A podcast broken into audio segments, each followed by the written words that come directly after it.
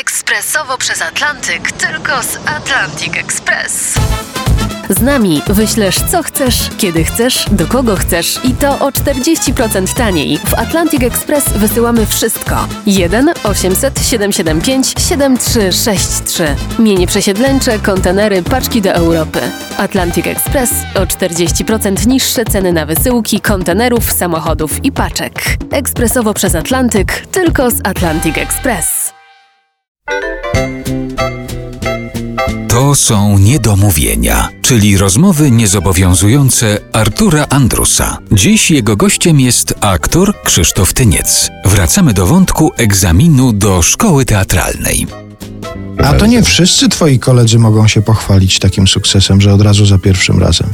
Paru wybitnych zdawało po parę razy, także musiałeś pójść jak burza. Pamiętasz repertuar, z jakim startowałeś do szkoły teatralnej? Ja się bardzo skrupulatnie przygotowałem. Wiesz, kiedyś przyjechałem z wycieczką szkolną y, do Warszawy i jeszcze w piątej klasie technikum mieliśmy świetnego polonistę, który nas rozwoził po teatrach w Polsce, głównie Wrocław, no i pojawiła się Warszawa. Ja że tak powiem, pobierzyłem szybciutko na ulicę Miodową, tam gdzie była Państwowa Wyższa Szkoła Teatralna. Wziąłem te wszystkie foldery, informacje, co trzeba przygotować. I wierz mi, że bardzo skrupulatnie, co tam było napisane, to ja się do tego przygotowałem. Wiersz klasyczny, klasyczny, proza, tak, tak, tak. No i rzeczywiście się przygotowałem. I pamiętam potem Rena Tomaszewska, pedagog szkoły teatralnej, zajrzała sobie tak, o, Tristan i Izolda, posłuchamy.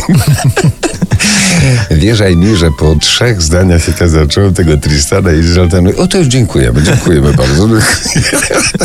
Dziękuję.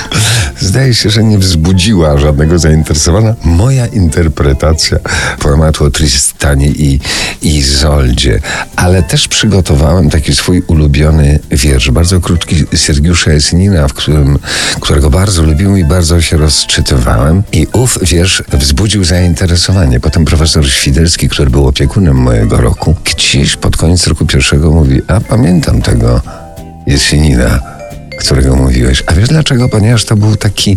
mm, Ja mówiłem ten wiersz kiedyś na konkursie recytatorskim. On miał cztery zwrotki, nie był zbyt długi, ale był takim moim osobistym wierszem. Chociaż Jesenina, to bardzo się z nim utożsamiałem, ponieważ był o matce. Żyjesz jedna, jeszcze, biedna stara matko, i ja żyję, pozdrowienia śle.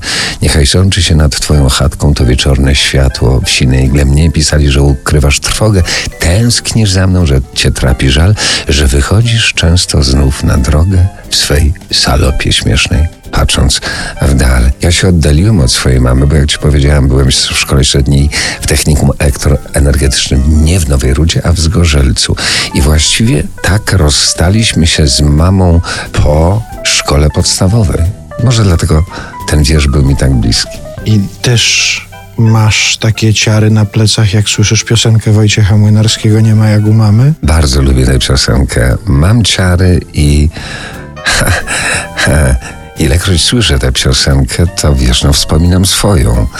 A wspomniałeś o Wojtku. Jak mi go brakuje strasznie. Bardzo mi brakuje Wojtka.